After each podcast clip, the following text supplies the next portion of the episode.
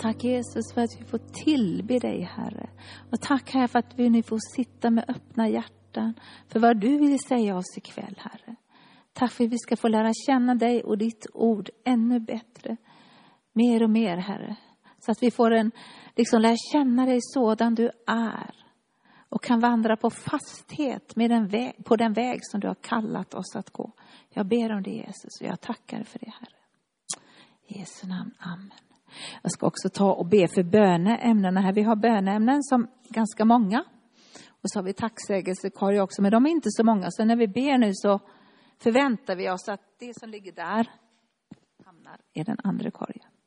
Jag tackar dig Jesus, vi får lyfta det här inför dig. Och jag tackar dig för att du ser varje bönämne som är. Du ser varje person som är representerad i korgen. Och också de personer som har lagt bönämnen i som kanske gäller andra och där inte de själva kanske i, i, liksom gäller dem, men de ändå är delaktiga på något sätt. Så tackar jag här för att du ser var, var och en. Och i Jesu namn så vill jag bara bryta makten av all sjukdom som finns representerad här och bara löser in helande och befrielse i denna stund. I Jesu namn så bryter jag också makten av all, all liksom, med dåliga relationer och jag löser in en väg att förlåta en väg att försonas i Jesu namn. Jag bryter också makten av ekonomisk brist, av att vara förföljd av otur, att liksom, det är så liksom tungt och jobbigt, så bryter jag det i Jesu namn och löser in frihet. Jag löser in en väg att få arbeta, att få hjälp med ekonomin på olika sätt. Och jag tackar dig här för att när vi lyfter det här inför dig så kommer du och, och, se till, och bär det här liksom, eh, Alltså du tar det här bristen och eländet och du bara ger av dina goda gåvor. Jag tackar dig Herre för att vi ska få många bönesvar här nu. Jag bara prisar Jesus för det. Jesu namn. Amen. Halleluja. Tack Jesus. Yes. Ja, det, det är faktiskt så. Det är underbart. Tack Eneida, det var väldigt härlig lovsång. Jag skulle nästan önska vi hade lovsångsmöte, då kunde vi sjungit lovsång hela kvällen.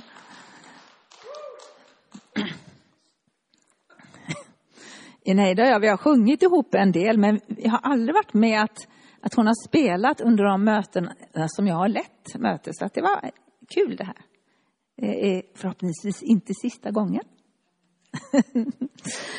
Då ska jag börja med att läsa i Matteus 18, vers, kapitel 18 och vers 21 till vers 35. Och det är en av Jesu liknelser jag ska läsa. Då gick Petrus fram och frågade Jesus. Hur många gånger skall min broder försynda sig mot mig och få min förlåtelse? Upp till sju gånger? Jesus svar, sade till honom. Jag säger dig, inte sju gånger, utan sjuttio gånger sju gånger. Därför är himmelriket lika en kung som ville ha redovisning av sina tjänare. När han började granskningen förde man fram till honom en som var skyldig 10 000 talenter. Eftersom han inte kunde betala befallde hans herre att han och hans hustru och barn och allt vad han ägde skulle säljas och skulden betalas. Tjänaren föll ner för honom och bad, ha tålamod med mig så ska jag betala dig allt sammans. Då förbarmade sig tjänarens herre över honom och gav honom fri och efterskänkte hans skuld. Men när den här tjänaren som nu hade fått sin skuld efterskänkt,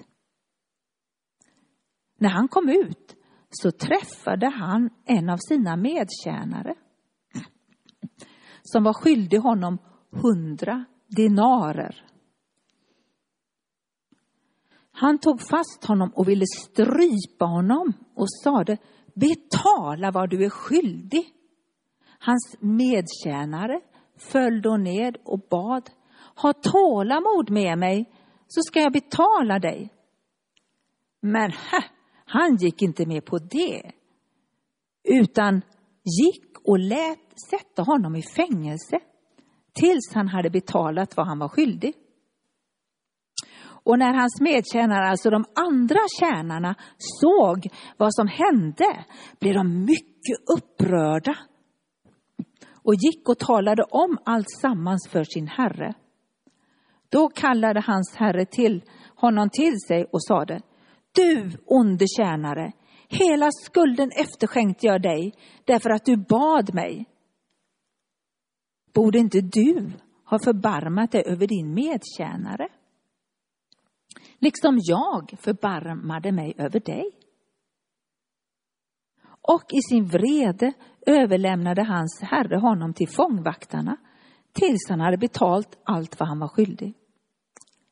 Så ska också er himmelske fader göra med er om ni inte var och om ni inte var och en av hjärtat förlåter sin broder.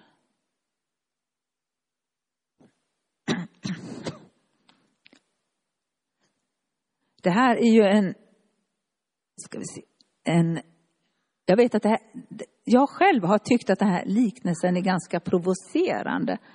Och jag tänkte tänkt, i början när jag läste, tänkte jag, men, men vad dum den här tjänaren var, som fick allt förlåtet och så går och beter sig så ja, illa. Jag kunde inte riktigt förstå varför det var på det sättet. Och dessutom då att det här ordet förbarmam, den här Herren som förbarmade sig över sin tjänare, det är ett väldigt starkt ord på grekiska som betyder att ha medömkan.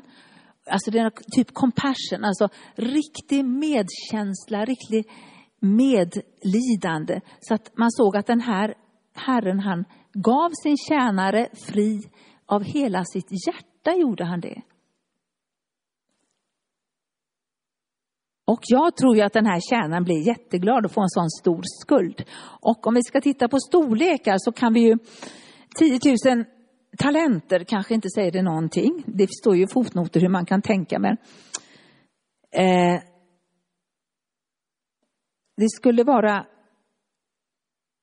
200 000 årslöner och det är alltså otroliga, alltså 10 000 talenter i 200 000 årslöner. Och det är extremt mycket. Nu, nu jag, såg inte jag att jag tittade på dagslöner så jag fick inte så stor summa men det rör sig om många hundratals miljoner kronor. Det kan vara i dagens pengar. Eh, det, det är en extrem summa som en vanlig löntagare aldrig någonsin kommer att kunna betala. Det är fullständigt omöjligt att betala.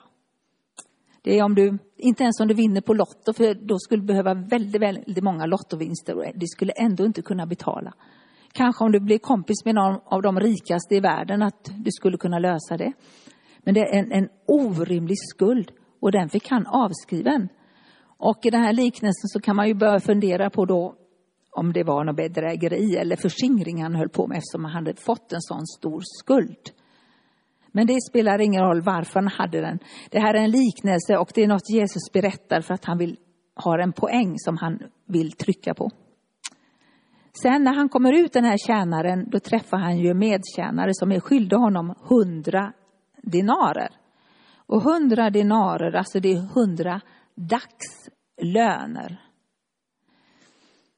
Tja, i våra pengar hundra dagslöner, vad kan det vara? Kan det vara hundratusen kanske? Men om vi då säger att det är typ får avskrivet en miljard i skuld eller mer, jag vet inte, jag har inte räknat riktigt. Och så kommer någon som är skyldig dig hundratusen. Hundratusen är ju mycket pengar, men har du blivit, fått en sån stor avskriven så kanske de 100 000 inte det är kanske ingenting man vill tänka på då, för man, jag antar att man är väldigt, väldigt glad om man fått, fått liksom blivit fri från en jättestor skuld.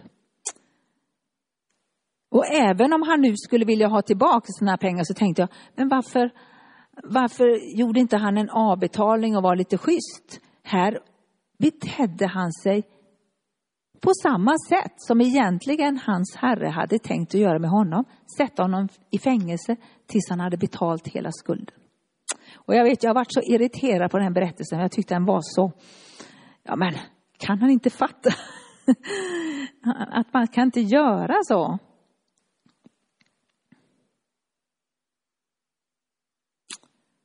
Men vi börjar ana genom berättelsen att det finns något annat i det här.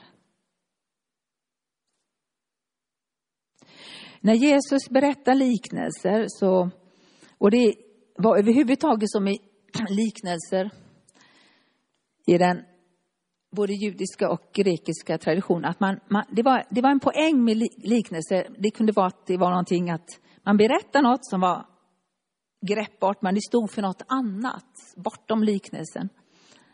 Och det kunde också vara en illustration på en sanning som man gjorde lättillgänglig, så att till exempel en andlig sanning kunde bli väldigt lättillgänglig när man hörde liknelsen. Och när Jesus berättar en här, sån här liknelse, då tror jag verkligen att det är någonting han vill lära oss. Det är viktigt. Det är ingenting som vi kan bara ah, sticka under stolen med. För det står att på samma sätt som den här Herren gjorde när han kastade in den här tjänaren i fängelset. På samma sätt ska min himmelske fader göra med er, om inte ni av hjärtat förlåter er broder. Oj, är Gud sådan? Det låter som det är väldigt viktigt att förlåta. Och likadant när Petrus frågar hur många gånger ska jag förlåta? Ja, men sju gånger, var då? Sju gånger sjuttio? Oj, är det så viktigt att förlåta? Och när vi ser i liknelsen, för den är så provokativ, den är så grotesk på något sätt. Men här får han allt förlåtet och blir fri och så går han och är så Eh, liksom så, beter sig så illa mot sin medtjänare. Då förstår vi att det är så här Herren ser på oss. Han har gett, när vi kommer till honom, då får vi allt. Vi blir fria från allt. Han förlåter oss allt när vi tar emot Jesus i våra hjärtan. Ja, han har redan berett förlåtelse innan vi tar emot Jesus, för det gjorde Jesus på korset. Vi får allt från honom, vi blir fullständigt fria. Men om inte vi ger förlåtelse till våra medmänniskor, eller kanske helst våra syskon kan vi börja med. Eh, då blir vi som den här tjänaren som fick allt förlåtet, men betedde sig väldigt, väldigt illa mot sin nästa.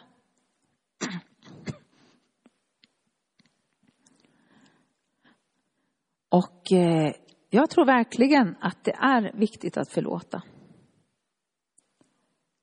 Jag tror att, eh, jag vet att en del har svårt att förlåta. En del säger, men jag blir så illa drabbad, jag kan inte förlåta den, det är omöjligt. Alltså, jag klarar inte av det. Man känner sig så kränkt och så drabbad. Men, och jag har ju försökt själv att det, kanske själavård och även man privata samtal och säger, men du, du behöver förlåta för annars så får du problem. Alltså du, du, man märker ju bitterheten, man märker irritationen, vreden.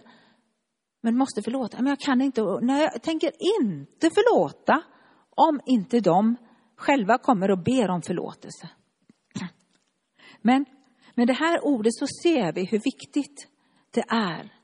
Liknelsen Jesus ger talar om att det blir ganska groteskt om vi å vår sida får förlåtelse, men själva inte förlåter vår nästa. Eh, och det står faktiskt också i Markus 11 och 25. Då står det innan då att vi ska tro på Gud och vad vi än ber om så får vi det. Om vi tror på det. Men så står det i 25, och när ni står och ber, så förlåt om ni har något emot någon då ska också er himmelske fader förlåta er era överträdelser. Och det står också någonstans i bergspredikan i Matteus bland annat att när du ger en gåva, om du då kommer på att du har något emot någon, lägg då ner gåvan och gå och försona dig med den personen och kom så och ge den gåva. Alltså, oförlåt och försonlighet, att inte förlåta, det blir någonting som stoppar flödet från himlen kan man säga. Alltså är du frälst, då är du frälst. Alltså ingen kan ta ifrån dig frälsningen. Du är fortfarande frälst även om du inte förlåter. Men du kan stoppa liksom så att, om vi säger att oförsonlighet är synd, det blir någonting som stoppar relationen, flödet mellan Gud och dig. Och jag brukar säga så här ibland, att inte förlåta. Det är precis som att fälla upp ett paraply. Och Guds kärlek, nåd och liksom förlåtelse regnar ner på dig. Men du fäller upp ett paraply och så, ja, får du stå där. Utan att kunna ta emot. Det kanske är en barnslig bild, jag vet inte, men jag tror att den kan ge oss en hint om vad det handlar om. Att förlåta är ju inte alltid så lätt. Det kan vara väldigt svårt om man blir drabbad och det sa jag lite grann. Eh, det kan vara riktigt svårt och har man då gått ett tag och känt sig kränkt och eh, gjort stora förluster, då kan det vara riktigt, riktigt svårt. Och eh, det är därför man när man pratar med, med människor som har de problemen så är det ofta så att nej, jag vill inte förlåta, jag kan inte förlåta, det är fullständigt omöjligt, jag klarar inte av det här.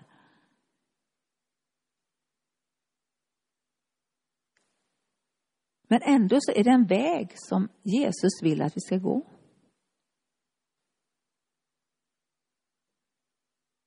Och eftersom Jesus vill att vi ska gå den vägen, då går det att gå på den. För Jesus begär ingenting av oss som inte han står bakom, som inte fungerar. Han skulle aldrig säga förlåt om inte han visste att det går faktiskt att förlåta varandra. Och vi faktiskt behöver förlåta varandra.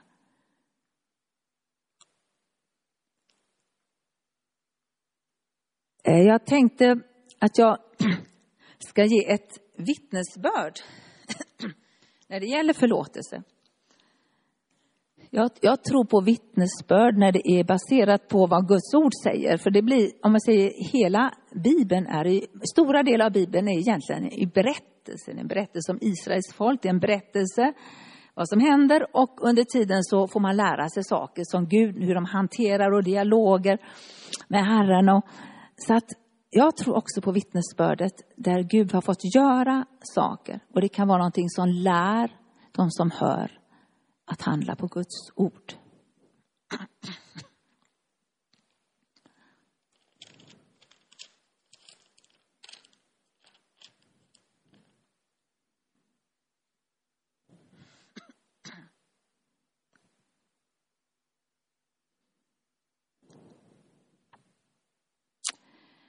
Eh, det var en hel del år sedan. Så blev jag väldigt förolämpad, kränkt, orättvist behandlad. Jätte, det var väldigt tufft.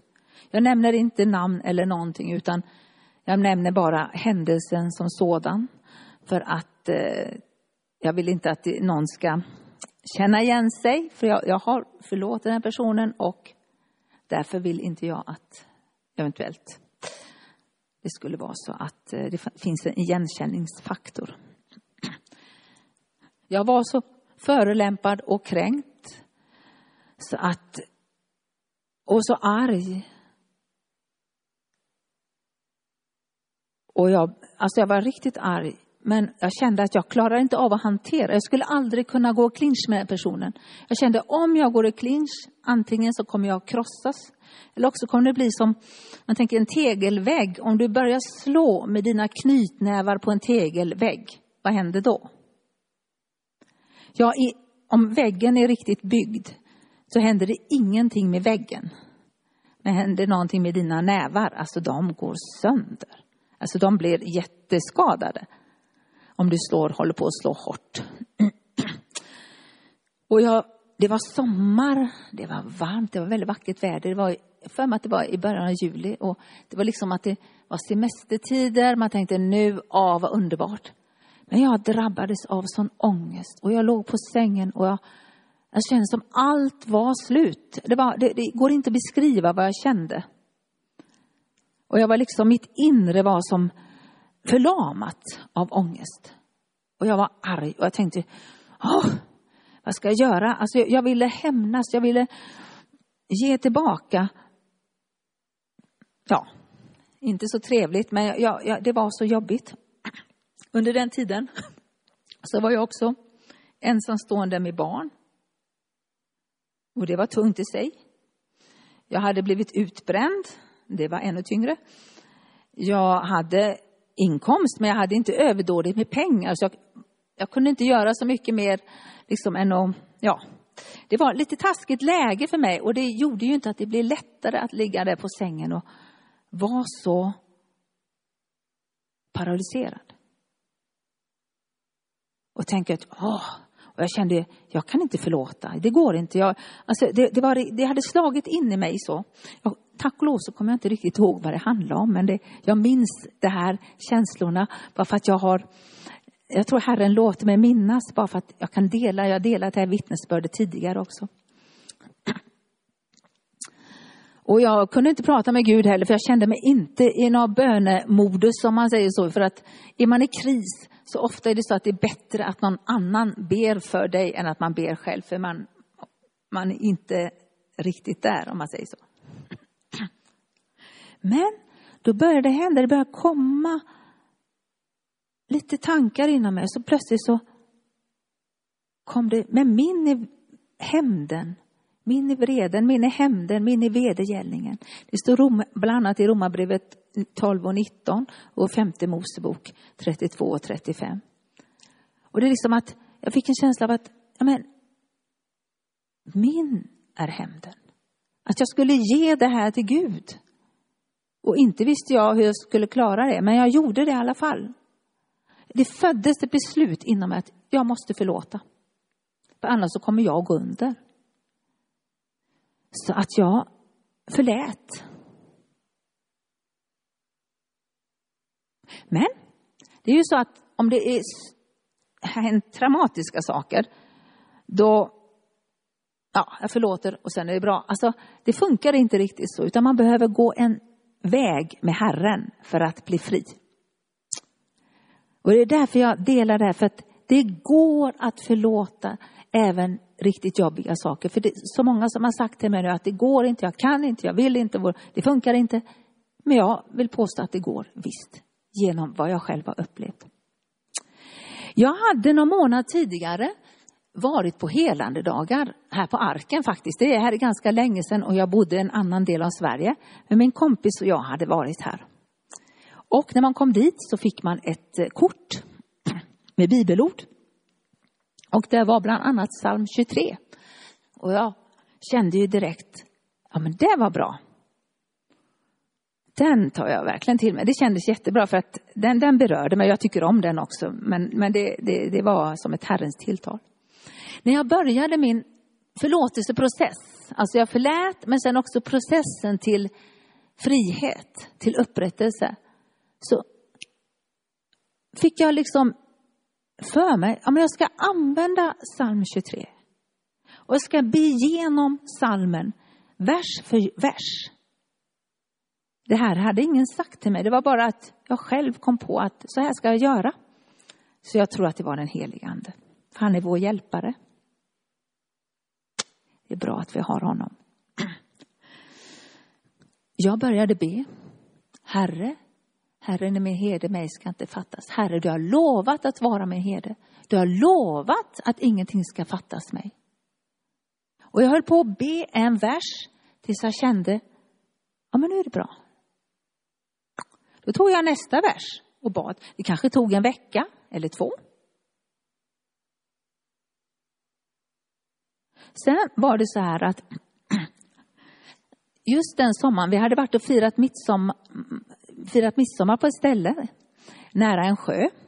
Jag visste om sjön, jag visste att man kunde bada där och så, det var inget nytt. Men När vi var på den eh, stugan så ville min son och hans kompis gå till en annan ställe och bada. Och jag tänkte, ja, okej. Okay. Och eftersom de berättade att det fanns en lian, om man kunde slänga sig ner i vattnet så tänkte jag, då får jag nog följa med. så jag har lite ögon, de var inte så gamla.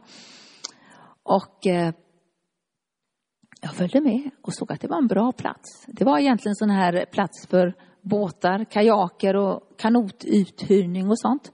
Men det gick utmärkt att bada där också.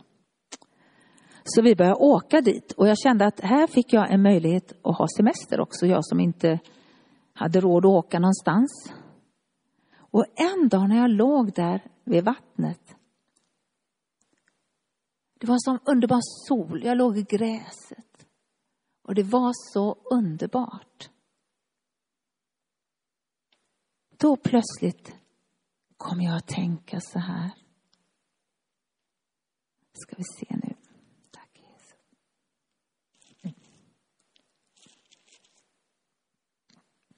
Men nu, nu vilar jag på de gröna ängarna. Ja, men nu är jag i vattnet där jag finner ro. Det står att han låter mig vila på gröna ängar. Han för mig till vatten där jag finner ro. Ja, men då är jag här. Jag har inte ens försökt och, och liksom eh, få det här att fungera. Jag har bara bett. Ja, tack Herre för att du låter mig vila på gröna ängar. Tack för att du tar hand om mig. Tack för att jag får, alltså, jag tänkte väl kanske mer en andlig betydelse, att liksom komma ut i frihet. Men nu låg jag där och solen, det var som fin sommar, solen sken. Och jag, jag tyckte det var så underbart. Ja, det var så underbart. Och så här fortsätter jag hela salmen igenom. Det var bland annat så att jag kunde ju inte resa för jag hade inte så mycket pengar och sen var det också så att jag hade en bil, en gammal bil med en fläktrem som skrek. En kompis och jag vi försökte spänna remmen, men det, det, gick inte helt och hållet. Och jag kan väl säga lite senare lämna in det så var det en grej som hade gått sönder, en mekanism. Plus att fläktremmen, de här liksom räfflorna, det som sitter på insidan, de var borta nästan all, allihop. Så att får vi se det som ett mirakel att det gick att köra, eller ha, få igång bilen och köra det. Men jag kunde komma till badplatsen och jag kunde också cykla dit om det skulle vara så. Eh, det var också så att jag ville gärna åka på konferens. Jag tyckte så mycket om att åka på konferens på sommaren, men det funkar inte. Det var juli månad. I vår kyrka så var det stängt. Jag har för mig att också söndagsmötena var stängda. Att det var ingen verksamhet alls. Eh, mina vänner hade åkt på semester. Så just juli månad var väldigt ensam. Så det var inte, liksom det var, ja, jag var ganska ensam. Jag hade barnen, men det var ensamt. Men då är det plötsligt några i församlingen, det var inte några ledare på det sättet, men några plötsligt så öppnade de upp för, det var minst två stycken småkonferenser. De kom från eh, olika länder och hade jättestarka möten så att jag som inte kunde åka någonstans, plötsligt kom mötena till mig. Och jag bodde i kyrkans fastighet så jag hade ju väldigt nära. Så att det är liksom, jag, jag tänkte inte ens på att åka på konferens. Jag tror inte ens jag bad om det. Men det kom till mig och jag vet att det var jättestarka möten. Jag fick väldigt mycket av det och jag, jag var så här, va? Det brukar ju inte vara någonting här på sommaren, men det var det. Och, det kom, och jag, jag blir så tacksam så att Herren försåg mig. När jag vandrade i dödsskuggans dal så behövde jag inte frukta något ont, för hans käpp och stav tröstar mig. Och han dukar ett bord för mig i, sina, i mina ovänners åsyn. Han förser när jag väljer att lägga min sak i hans hand. Han tar hand om mig. Och jag fortsätter att be och be igenom hela den här tills det var färdigt. Då är det så att när man går igenom en sån här process så är det inte bara, och nu är allt underbart. Alltså det, det gick lite upp och ner. Men när jag läste ordet och jag levde det så var det ändå ganska jämnt. Det var inte krisläge. Det var inte down på botten. Men det kunde vara lite upp och ner. Och det var en dag, jag var ju ensamstående med barn. Det var, fanns ju, och jag var trött på grund av att jag var utbränd. Så jag själv var ju inte i superskick. Men Och just det att jag glömde säga att barnens far var ganska frånvarande så att där, där fanns liksom inte heller någon hjälp att få utan jag fick klara det här själv då. Eh, det var en dag jag kände mig väl lite sämre form. Då gick jag till min kyrka för då var det augusti, då hade det öppnats igen. Och så gick jag in på ett bönemöte på kvällen och det var ganska i slutet av mötet men jag tänker jag går in och sätter mig och tar emot lite ja, från Herren, liksom lite vila mig i Guds, så här Guds atmosfär. Jag tänkte det kan vara bra. Jag sitter där. Längst, jag sitter längst bak. Och längst fram står en, en av pastorerna och en äldstebroder. Jag sitter där, jag tänker, jag tänker inte gå fram, jag liksom bara satt. Plötsligt kommer en äldstebo bak till mig. Han tar, lägger handen på huvudet och så ber han ut hela psalm 23. Och gissa att det blev en igenkänningsfaktor. Gissa att jag bara kände att Gud är med mig. Han har hand om mig. Den här äldstebrodern visste ingenting om detta. Jag har inte berättat för någon. Så att man kan ju bara säga att han var ledd av Guds ande. Han var ledd av Gud att göra det här. Och jag kände Guds omsorg. Sen ytterligare veckor senare, då fick jag också min rätt inom citat. Jag krävde inte någon rätt. Jag var så fri, jag behövde inte det, men Herren kompenserade ändå.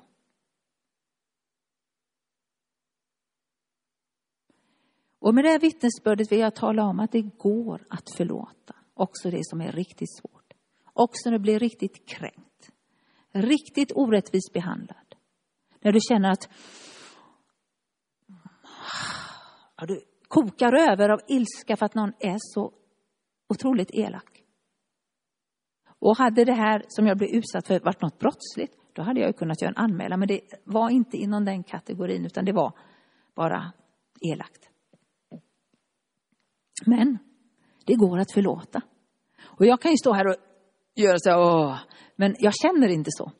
Alltså jag bara illustrerar. Alltså skulle den personen komma in Nej, det finns ingenting kvar. Det finns ingen oförsonlighet längre. Jag är helt löst. Det är därför det är så viktigt att förlåta. Och det är därför när man när man har gått igenom det här, då förstår man också vikten av den här liknelsen att förlåta. Att Herren förväntar sig det. Och han bistår oss också, alltså han ger oss kraft att förlåta. För han har gett oss den helige ande. Och det står bland annat i Johannes evangelium, du kan titta i kapitel 14 och 15 och kanske 16 också. Det står väldigt mycket om den helige ande där. Och där står också mycket om Guds bud, Jesu bud. Ja, att vi ska älska varandra. Men om vi ska älska varandra, då måste vi faktiskt förlåta varandra, annars så kan vi inte älska varandra. Du kan inte älska någon som du eh, liksom känner oförsonlighet med. Det, det, du kanske kan smila frid eller säga hej, men du kan inte älska av hjärtat, det går inte. Utan det är bara när du förlåter, då kan du också börja flöda. Den här kärleken, Guds kärlek kan börja flöda genom dig igen. För det är just det här som tilltäpps när man inte förlåter, att det blir täppta kanaler, det blir paraplyet upp. Och sen får du gå där med din bitterhet och ilska och vrede. Och det vill du inte egentligen.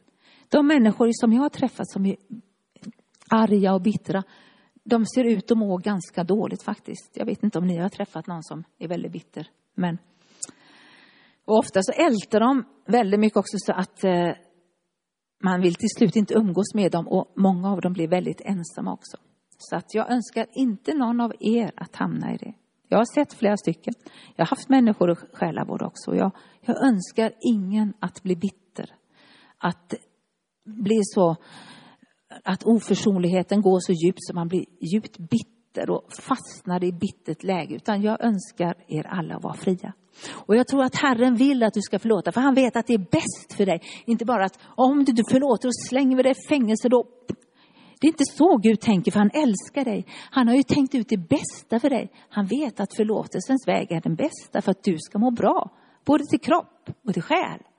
För oförsonlighet ger skador i själen och också du kan bli sjuk till och med, få kroppsliga problem. Så det var liksom bara en liten passus. Eh, ja, jag ser att klockan börjar gå. Så att, för att sammanfatta det här lite grann. Så att när vi förlåter, då ger vi alltså hämnden till Herren. Han får ta hand om det här. Och Jonny Åbom, Jonny Sjöhamra Åbom som en del kanske känner till, han har myntat ett begrepp, jag avsäger mig rätten att anklaga. Rätten att liksom döma och sådär. Och det är väldigt bra för man ger Gud rätten att ta hand om den här personen eller situationen som han vill. Och då kan också Gud göra sitt verk i ditt liv. När man står i den här processen, som ni sa, att jag hade ett ord. Det hade jag fått tidigare. Jag tycker att alla som ska gå igenom en, du kanske behöver förlåta något hemskt som har hänt, att be Gud om ett ord. Inte bara, ja men Gud älskar mig och det är så underbart, ja, ja men han ser till att jag får vad jag behöver. Du behöver ett ord, också på de onda dagarna. Du kanske vaknar upp en morgon och känner så, och Gud älskar mig inte och jag känner mig så förkastad och jag men, men om du har ett ord, då kan du gå till det. Och ja, det gick ju lite upp och ner för mig, men när jag läste ordet då fick jag kraft. Och är det så att du inte orkar ha ett så långt ord, en del säger, men jag är så trött, jag orkar inte läsa Bibeln. Nej, men en liten vers. Och orkar du inte läsa den, be en kompis läsa in den på din telefon så du kan lyssna på den. Så du har ett ord att ha med dig. Guds ord är jätteviktigt för att vi ska gå segrande igenom. För där finns hans vilja, hans ledning, hans kraft. Ordet ger liv. Ordet är levande. Ordet ger kraft. Och ordet tillsammans med den helige Ande liksom gör att vi orkar hålla ut. Och den helige Ande är hjälparen som är med oss hela tiden och styrker oss och hjälper oss. Ja. Tack Jesus. Och nu tänkte jag att vi ska be, jag ska be en kollektiv bön för er alla när det gäller förlåtelse. Och då kan också ni som är framför skärmarna vara med. Ni ska inte be efter mig utan jag bara ber fritt. Och eh, du får bara känner du igen det så var bara med i bönen. Ja, tack Herre, tack Herre för att, att du har berättat så att vi ska förlåta varandra. Bara för att du har förlåtit oss så mycket och du vet hur vi är som människor. Att ibland så känns det så svårt att förlåta. Vi kan inte förlåta. Vi känner att vi kanske vill inte förlåta för att jag tänker inte förlåta den om inte den kommer till mig och ber om förlåtelse. Men Herre, du vet hur vi är och jag ber att den som känner att den inte vill förlåta, att du ska hjälpa den människan att faktiskt komma dit hen att den vill förlåta. Och den personen som känner, men jag kan inte förlåta, jag vill men det är omöjligt. Så tackar jag Herre för att du möter den personen nu. Så att den faktiskt kan förlåta. Tack för att du hjälper, tack för att du bistår. Med din hjälp, med din kraft. Tack Herre för att du känner oss utan och innan. Och tack för att det är din önskan att vi ska förlåta. Och då vill du också hjälpa oss, det är jag övertygad om. Jag vill också be för de som kanske känner att men jag har varit så bitter och besviken. Och jag har gjort så illa, jag har hämnat så mycket. Jag har gjort människor illa för att jag blir så illa behandlad själv. Och jag ångrar mig så. Men nu tackar jag Herre för att vi tillsammans får be, Herre förlåt oss att vi har varit så betett oss så illa och, och, och gett tillbaka. Vi har hämnats och vi har tänkt onda tankar, vi har pratat, vi har förtalat. Men jag tackar dig, här för att vi får bekänna vår synd. Och jag tackar för att du tar emot detta från oss. Att när vi bekänner våra synder så, så förlåter du oss, Herre. Jag bara tackar dig för det. Och tack också för att vi också får förlåta oss själva för att vi har gjort fel. Hjälp oss, Herre. Det är kanske det svåraste som finns, att förlåta sig själv. Men jag tackar att vi får göra det, Herre. Och om du har bekänt din synd så är Herren trofast och rättfärdig så att han förlåter dig dina synder och renar dig från all orättfärdighet. Gud är så god. Du kan komma till honom ständigt om du har någonting som du har gjort fel, misslyckats eller syndat, till och med syndat. Även kristna kan synda. Men vi får alltid förlåtelse. Och vi behöver lära oss att förlåta. Så att, eh, sen behöver vi också lämna all grämelse och bitterhet till Herren. Och det får vi också be om förlåtelse för. Och så bara lämna det till honom och han tar emot det. Och så ger han dig sin frid istället. Och sin upprättelse. Han ger dig av sitt goda. För han älskar dig. Så kontentan av det här är att Gud älskar dig och vill dig så väl. Någon kanske har känt sig riktigt arg. Jag vet att det alltid händer saker när man pratar om att du måste förlåta. Det är alltid någon som reagerar, men det är av kärlek som jag gör det här, för jag vet att Gud vill det. Och han älskar dig. Och han vill att du ska leva ett bra, härligt liv. Amen. Jag tänkte att helt kort så kan vi, jag be för er. Men det blir en så här kort tronsbön ifall någon vill ha förbön. Och eh, vill ni inte ha det så får ni sitta kvar. Jag tänkte Eneida kan spela lite och sjunga lite nu på slutet. Så får vi se vad som händer. Mm.